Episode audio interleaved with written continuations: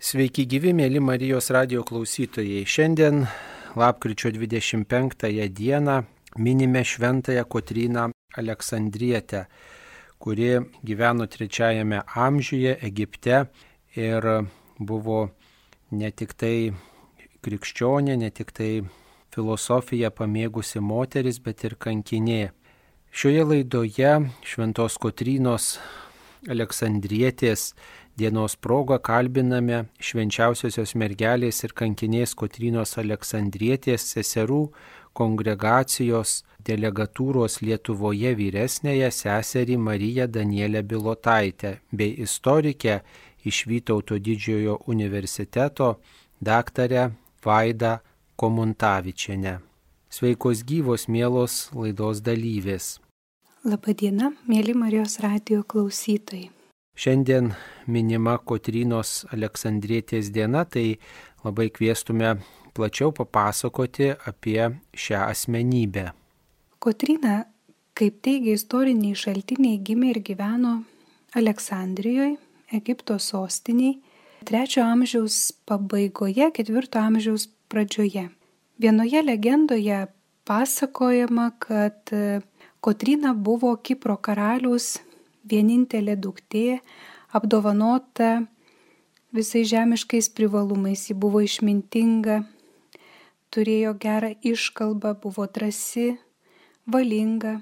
Taip pat garsėjo ir tuo, kad buvo išsilavinusi, turėjo teologinį ir filosofinį išsilavinimą, mokėjo daug kalbų Ir šventoji Kotrina, žinodama, kad ji yra labai išmintinga, kad apdovanota daugybė dovanų, troško ir jaunikio, kuris atitiktų jos kilmę, grožį.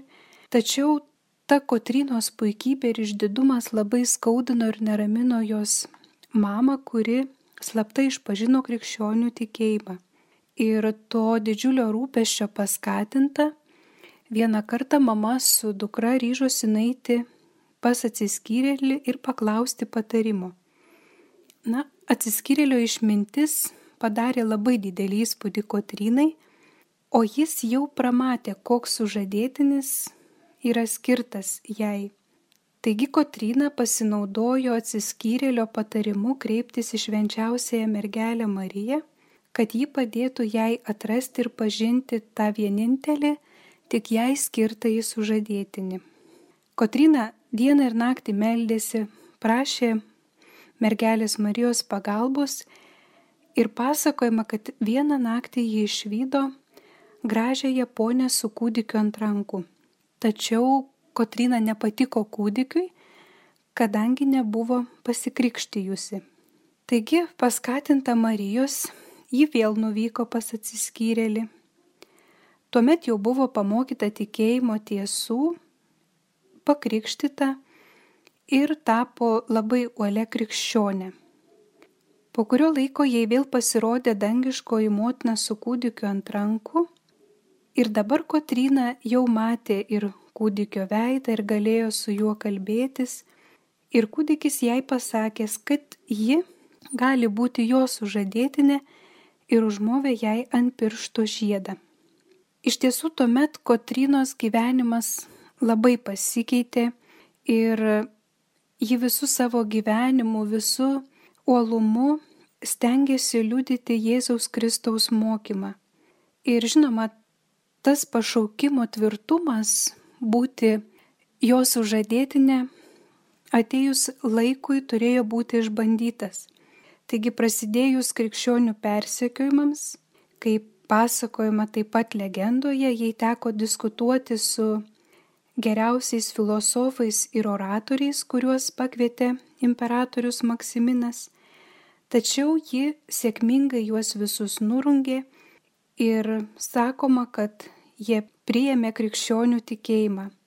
Na, o minėtasis imperatorius Maksiminas iš tiesų labai žavėjosi Kotrinos išmintimi, siūlė jai savo meilę Vėliau neapykantos apimtas jai grasino, tačiau Kotryna liko ištikima savo dangiškajam sužadėtiniui.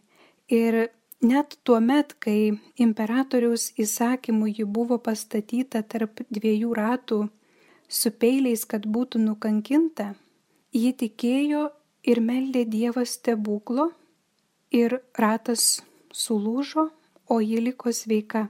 Žinoma, imperatorius savo ketinimų neatsisakė, jai buvo nukirsta galva, bet sakoma, kad e, tuomet Dievas padaręs e, dar vieną stebuklą ir e, vietoje kraujo ištekėjo pienas. Ir šiandien šventoji Kotryna yra filosofų, mokslininkų globėja. Kaip atsitiko, kad veikia šios šventosios vardo vienuolyje ir kas yra jos įkūrėjai?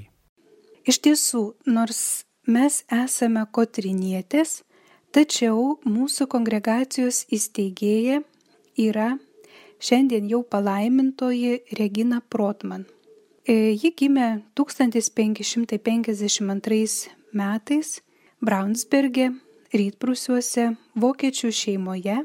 Jos tėvas buvo turtingas pirklys, miesto tarybos narys. Abu tėvai buvo tikintis katalikai.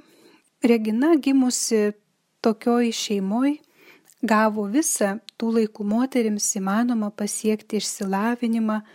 Teigiama, kad ji buvo labai graži, domėjosi madomis, mielai lankėsi šventėse, džiaugiasi jai rodoma teikiama pagarba. Na ir savo moteriškų žavesių Regina norėjo pirmauti ir bendramžių tarpe. Troško būti pati gražiausia, protingiausia. Tačiau biografijoje rašoma, kai Dievo malonės spindesys palėtė Regino širdį, meilės ugnimi ji buvo uždegta Dievui savo viešpačiui. To pašaukimo dovanoto Dievo dėka ji pamatė, koks yra didžiulis socialinis skurdas, kokia yra didžiulė atskirtis tarp turtingųjų ir vargšų. Ir tada visa jos esybė prisipildė atjautos vargstantiems žmonėms.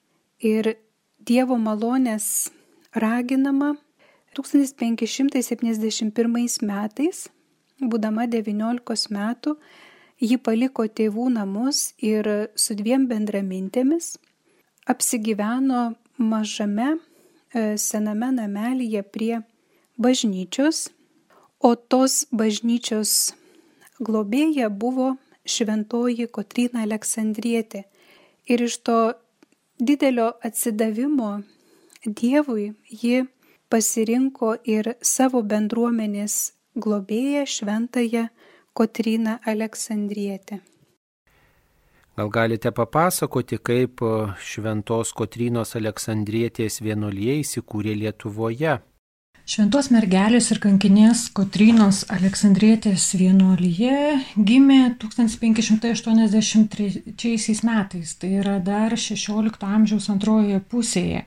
Ir ji gimė Braneve, dabartinės Lenkijos teritorijoje, o tuo metu tai buvo Braunsbergas, vokiškas miestas Prūsijoje. O dar anksčiau ten gyveno baltų prūsų gentis prie Baltijos jūros. Ir kyla klausimas, kodėl būtent šita vienuolė buvo pavadinta Šventos mergelės ir kankinės Kotrynos Aleksandrietės vardu. Kotryna buvo ketvirtame amžiuje gyvenusi mergina, kuri pasižymėjo išmintimi ir buvo nukankinta Romos imperatorius įsakymu ir, ir tapo mokslo filosofijos globėja. Ir iš tikrųjų galima teikti, kad šitos Kotrynos vardu visa vienuolyje pavadinta truputį neįprastai ir atsitiktinai, nes paprastai vienuolijos yra vadinamos įkūrėjų vardais benediktinai, pranciškonai, dominikonai, o čia įkūrėja Šventos Kotrynos Aleksandrietės kongregacijos buvo Regina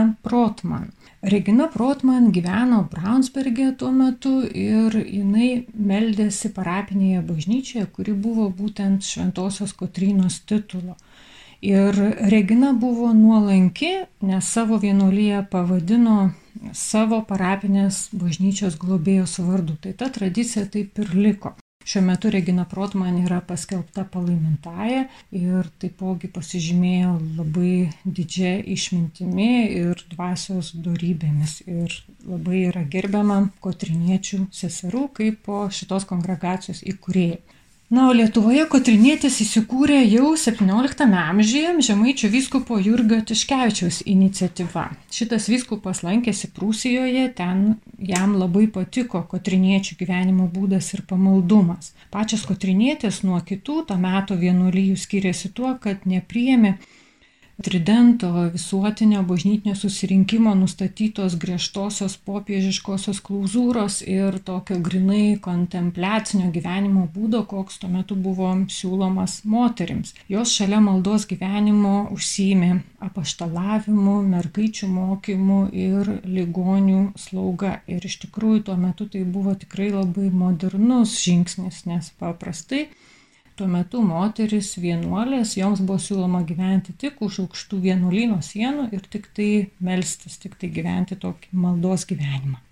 Tai va, tai šitos kotrinietės Prūsijoje gyvenę labai patiko žemaičių vyskupų Jurgiui Tiškevičiui, nes jisai matė savo žemaitijos vyskupiją ir ten buvusias tuo metu egzistavusias problemas. Žemaitijoje tuo metu buvo labai paplitę dievotos, tokį skaistų pamaldų gyvenimo būdą pasirinkusios moteris, kurios paprastai tarnaudavo parapijose, bet jų tas pats gyvenimo būdas nebuvo niekaip suorganizuotas ir patvirtintas. Na, jos neturėjo jokios struktūros, tai, tai suėdavo kartu, tai vėl išeidavo, na, tokia truputį buvo kaip ir betvarkė toks chaosėlis ir vat, vyskupui Jurkiu Tiškevičiui kilo mintis, kad būtų galima jas suorganizuoti būtent kotriniečių pavyzdžių. Ir 1645 metais šitas žemaičių vyskupas Jurgis Tiškevičius Krakių dievotoms suteikė fundaciją, numatydamas čia sukurti kotriniečių vienuolyną. Tai galima vadinti kaip ir šitos vienuolijos pradžia Lietuvoje. Ir labai svarbus buvo dar kito žemaičių vyskupo Kazimiero Paco žingsnis, kuris 1673 metais patvirtino joms adaptuotą kotriniečių regulą, kuri buvo e, būtent pačios Reginos Protman rašyta, po to truputį redaguota ir 1602 metais Prūsijoje Braunsberge patvirtinta ir va dabar 1673 metais jau jinai išversta į lenkų kalbą, kurią kalbėjo, kurią suprato tuo metinės krakių kotrinietės ir, žodžiu, vad buvo joms šita regula taip ir patvirtinta. Kokie įdomiausi vienuolijos istorijos vingiai?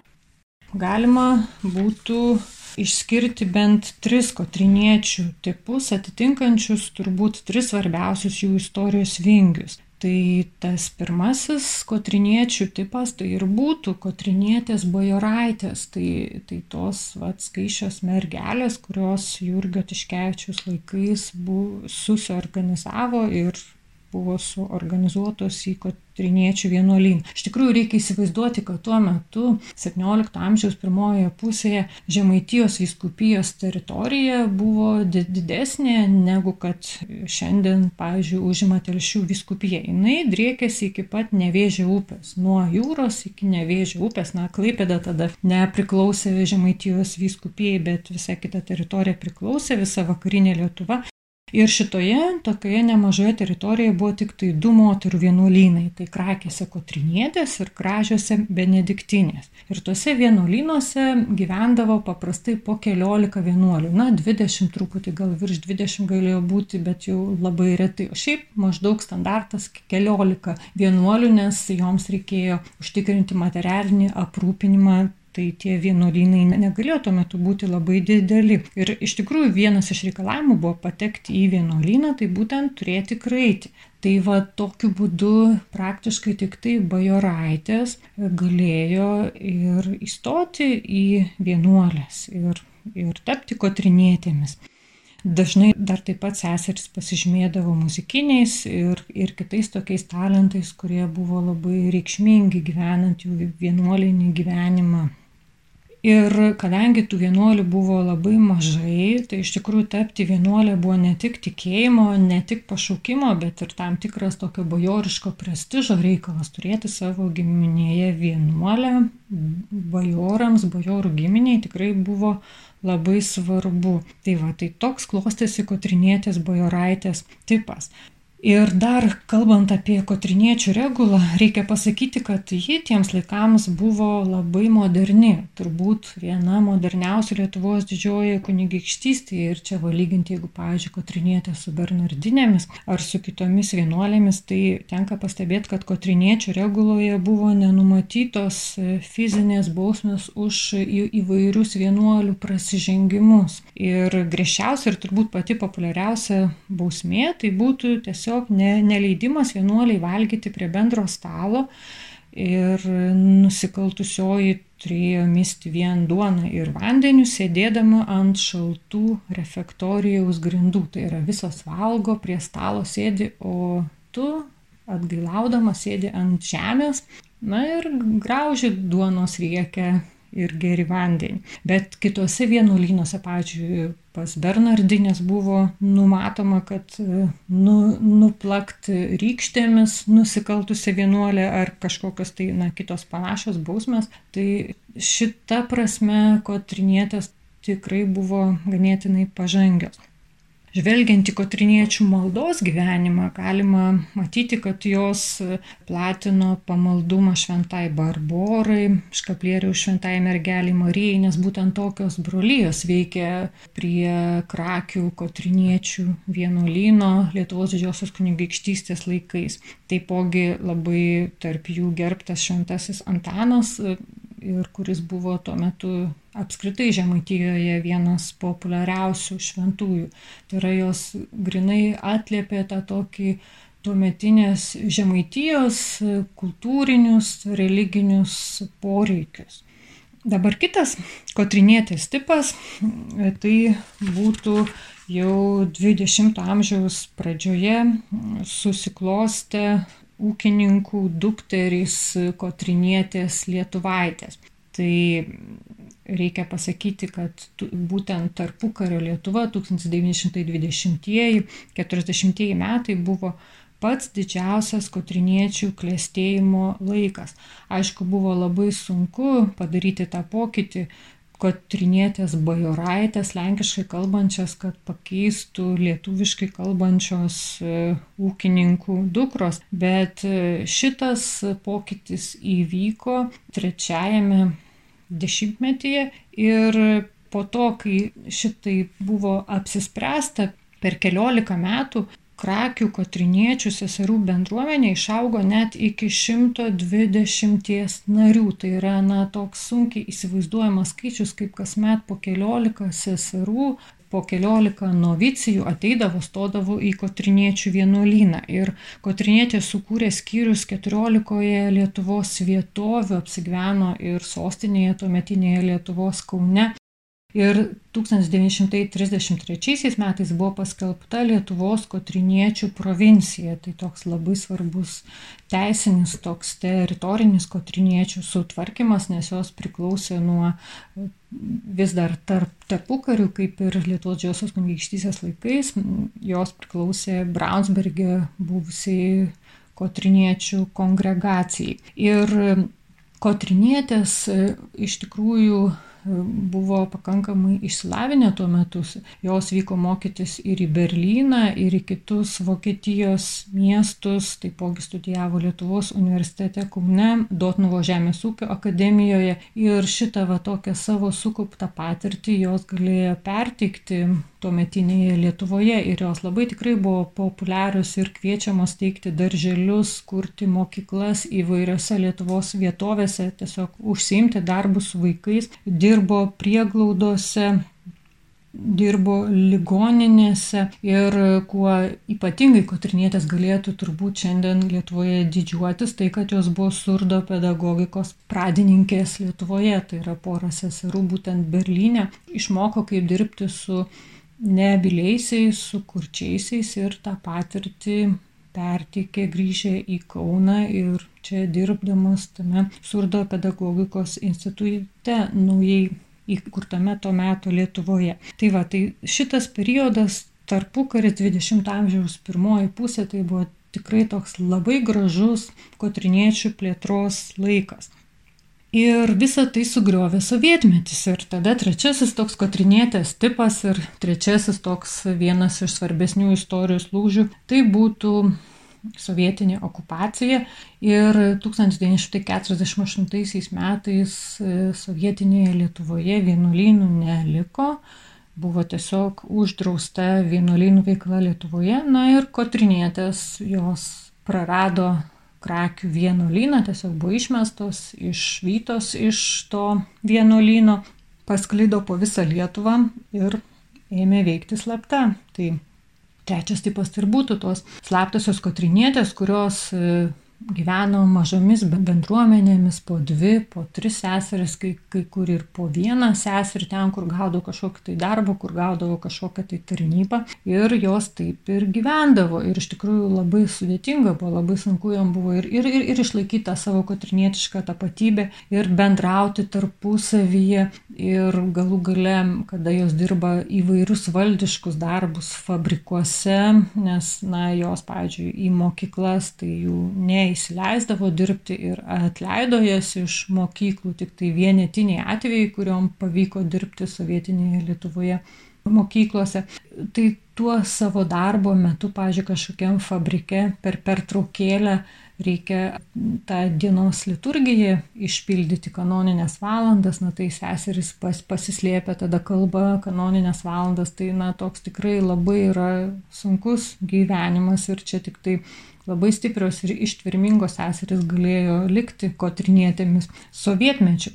Na, po Stalino mirties gal truputį toks buvo jaučiamas ir atšilimas, ypač 80-metyje ir tuo seseris kotrinėtės iš tikrųjų pasinaudojo ir rado jos tokios labai buvo išmintingos, pasinaudojo turbūt Jėzaus posakiu, kad reikia būti gudrioms kaip žalčiai, neklastingoms kaip balandžiai. Ir toks ypač svarbus Lietuvos kotriniečių bendruomenė įvykis tai buvo 1974 metais, kuomet apsimetusi turistė, kaip turistė į Lietuvą atvyko kotriniečių aplankyti jų generalinės kongregacijos jų užsienio kotriniečių kongregacijos vadovė, vyresnioji Leonis Ziobiš. Ir jinai vyko turistinė kelionė per Maskvą, Leningradą, Taliną, Vilnių ir seseris pasiskirstė grupelėmis ir vienos vyko į vieną miestą, kitos į kitą miestą, trečios į trečią miestą, kad nu nors trumpai keliom valandom susitiktų su savo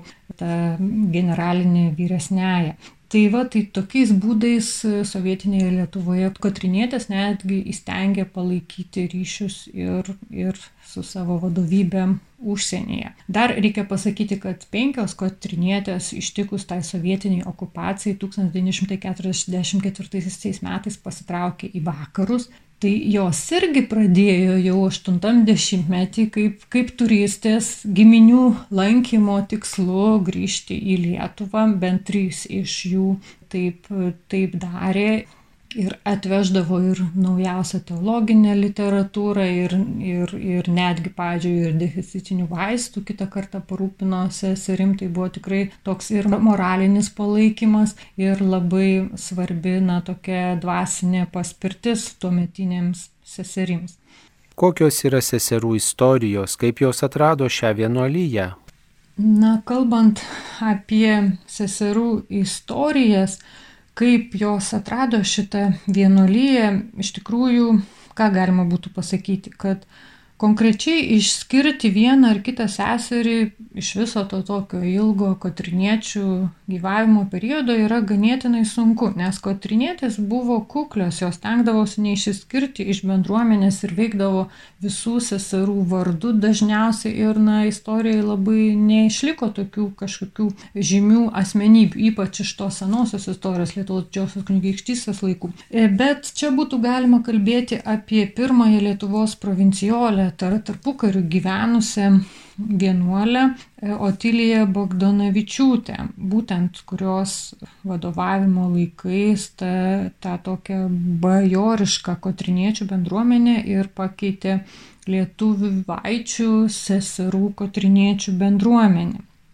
Ir būtent va jos laikais bendruomenė pasipildydavo po keliolika naujų narių kasmet. Otilija buvo labai motiniška, savo globa apglėpdavo ne tik seseris, bet ir visus krakių gyventojus. Ir yra pasakojimų, kad kai jinai mirė, jinai mirė jauna 40 kažkelių metų amžiaus. Ir yra teigiama, kad netgi krakių žydai verkė per jos laidotuvės. Tai va toksai gražus pavyzdys, kaip Otilija sugebėjo šiltai bendrauti su visais e, tuo tuometiniais krakių gyventojais ir turbūt priimti kiekvieną atėjusią seserį ir įkvėpti ją e, tapti kotrinietę ir laikytis kotrinietiško gyvenimo būdo, atrasti prasme šiame pašaukime na, ir tarnauti Lietuvos visuomeniai. Ir iš tikrųjų visuomenė žavėjusi Kotriniečių atsidavusių darbų ir jaunoms merginoms atrodė patraukli Kotriniečių veikla ir gyvenimo būdas. Na, o koks vienolyjos dvasingumas? Mūsų dvasingumas kristocentrinis. Palaimintoji motina Regina kiekvieną iš mūsų ragina tokiai meiliai ir tarnystei, kuri kasdien iš naujo laisvai ir džiugiai tarė taip Dievo valiai. Ir todėl, kaip pagrindinius aspektus mūsų dvasingumo būtų galima paminėti nuolatinį ir gilų susijungimą su Dievu, palaikoma Dievo žodžio mąstymu, Euharistijos šventimas ir garbinimas, viešpaties kančios mirties ir prisikėlimo apmąstymai, uolus asmeninio ir bendruomeninio dvasingumo puoselėjimas perdodant charizmos dovaną bažnyčioje, atleidimas, gailestingumas, atjauta, rūpinimasis seserimis ir broliais, pasiruošimas patarnauti kiekviename bažnyčios ir artimo reikale, gyvenimo ir vilties skatinimas. Ir visa tai Regina galima sakyti, sutalpino į vieną šūkį, kaip Dievas nori, kad visur ir visuomet priimtume Dievo valią. Ar vienolyjos dvasingumas skirtas tik seserims, ar ir pasauliečiai gali rasti ką nors tinkamo? Manau, kiekvienos vienolyjos dvasingume ne tik pašvestieji, bet ir pasauliečiai gali atrasti kažką ypatingai savo, atliepiančio jų širdies ir sielos poreikius. Mūsų dvasingume taip pat. Pasaulyje veikia Šventos Kotrynos draugija. Jos nariai gyvena ir skelbia Evangeliją pagal mūsų kongregacijos dvasingumą. Jų pasiuntinybė yra apaštališka ir karitatyvinė, ypač liudijant pavyzdingų krikščioniškų gyvenimų, padedantiems, kuriems yra reikalinga pagalba kartu su seserimis bendradarbiaujant įvairiuose darbuose, misijose ir visose kongregacijos jurisdikcijose yra pasauliečių, kuriems yra labai artimas mūsų seserų kotriniečių dvasingumas, nors pačios draugijos, kaip ir Lietuvoje, nėra įsteigtos. Tačiau mes visuomet atveriame duris ir širdis tiems, kurie nori sekti viešpati palaimintosios motinos Reginos pavyzdžių. Papasakokite plačiau apie šios vienolyjos veiklą mūsų laikais. Iš tiesų tai šiais laikais, kaip ir anuomet, seseris siekia likti atviros vietos ir laikmečio iššūkiams ir eiti bei būti ten, kur jų labiausiai reikia. Ir pagrindinė seserų veikla tai malda už Dievo tautą, už visą pasaulį, Na, o pagrindinė seserų tarnystė šiais laikais yra krikščioniško auklėjimo, sveikatos priežiūros, socialinių paslaugų ir administravimo sritise. Seseris dirba darbus, kiekviena pagal savo išsilavinimą. Taip pat labai daug seseris dirba parapijose, prisideda prie parapijų organizuojamų veiklų organizuoja ir vadovauja grupelėms, procesijoms, labai daug palydi suaugusiųjų, jaunimo, skiria laiko tiesiog pabuvimui kartu, pokalbėms, dalinasi sodo ir daržo gerybėmis ir iš tiesų tai visuomet yra atviros kitų žmonių poreikiams, o garbaus amžiaus seseris palaiko tiek jaunesnės seseris, tiek visą Dievo tautą savo dar gilesnė ir dar labiau atsidavusią maldą. Papasakokite taip pat ir apie vienuolijos internetinį puslapį, pristatykite jį tiems, kurie nežino ir nesinaudoja šio laikinėmis komunikacijos priemonėmis. Mūsų internetinis puslapis yra www.santakaterina.lt.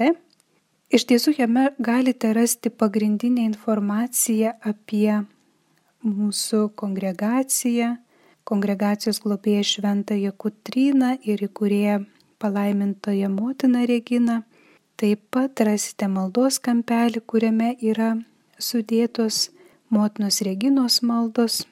Kita informacija dar yra ruošiama, tačiau Jeigu norite ką nors daugiau apie mus sužinoti, pasiklausti, pasikalbėti, galite mums parašyti elektroniniu paštu info.santakaterina.lt arba cscdanielė.gmail.com. Taip pat šių metų vasarį buvo pristatyta knyga apie mus, seseris Kotrinietės Knygą parašė profesorė Vaida Kamuntavičienė ir ši monografija iš tiesų tai yra nuostabi knyga apie palaimintosios motinos Reginos charizmos klaidą Lietuvos seserų kotriniečių gyvenimo istorijoje. Taigi taip pat tie, kurie norėtų daugiau sužinoti apie mus, gali paskaityti ir šią knygą. Reginos maldose labai jaučiamas jos didžiulis alkis ir troškulys pamatyti savo kurėją. Ir visą gyvenimą jį gyveno tikėjimu, viltimi, meilė. Ir tuomet, kai jau jautė, jog ateina laikas iškeliauti į amžinybę, ji nepamiršo savo seserų, savo dukterų. Ir todėl, kaip sakoma ir jos biografijoje, visuomet kupina šilumos ir dėmesio, ji savo seserims paliko dvasinį testamentą, kuris, manau, taip pat gali būti labai prasmingas ir kiekvienam iš jūsų, mėly Marijos radio klausytojai, Todėl norėčiau juos su jumis pasidalinti. Taigi palaimintoji motina Regina tarė, nuolankus ir motiniškas mano įspėjimas jums, mano mylimos seserys, kad visada viešpaties Dievo ir mūsų mylimiausio sužieduotinio Jėzaus Kristaus bei visų žmonių akivaizdoje būtumėte doros ir drausmingos, giliai nusižeminusios, tikrai kantrios, tobulai klusnios ir ištikimos krikščioniškai meiliai. Mokykitės mylimos seseris, savyje nugalėti ne tik labai kenksmingus, bet ir visus mažus, nežymius, netvarkingus troškimus, kurie galėtų pakengti jūsų pašaukimui ir luomui kaip nereikalingas kalbas, įtaręs tuščias mintis, dikinėjimą bei lengvabūdišką juoką. Uoliai rūpinkitės ne tik tarp savęs vieną kitą seseriškai mylėti, bet ir su kiekvienu žmogumi taikiai gyventi. Tada gerasis Dievas visada jums padės ir jūs laimins. Mėly Marijos radio klausytojai, šioje laidoje kalbinome švenčiausiosios mergelės ir kankinės Kotrynos Aleksandrietės seserų kongregacijos delegatūros Lietuvoje vyresnėje seserį Mariją Danielę Bilotaitę bei istorikę iš Vytauto didžiojo universiteto daktarę Vaidą Komuntavičianę. Jas kalbinau aš kunigas Saulis Bužauskas.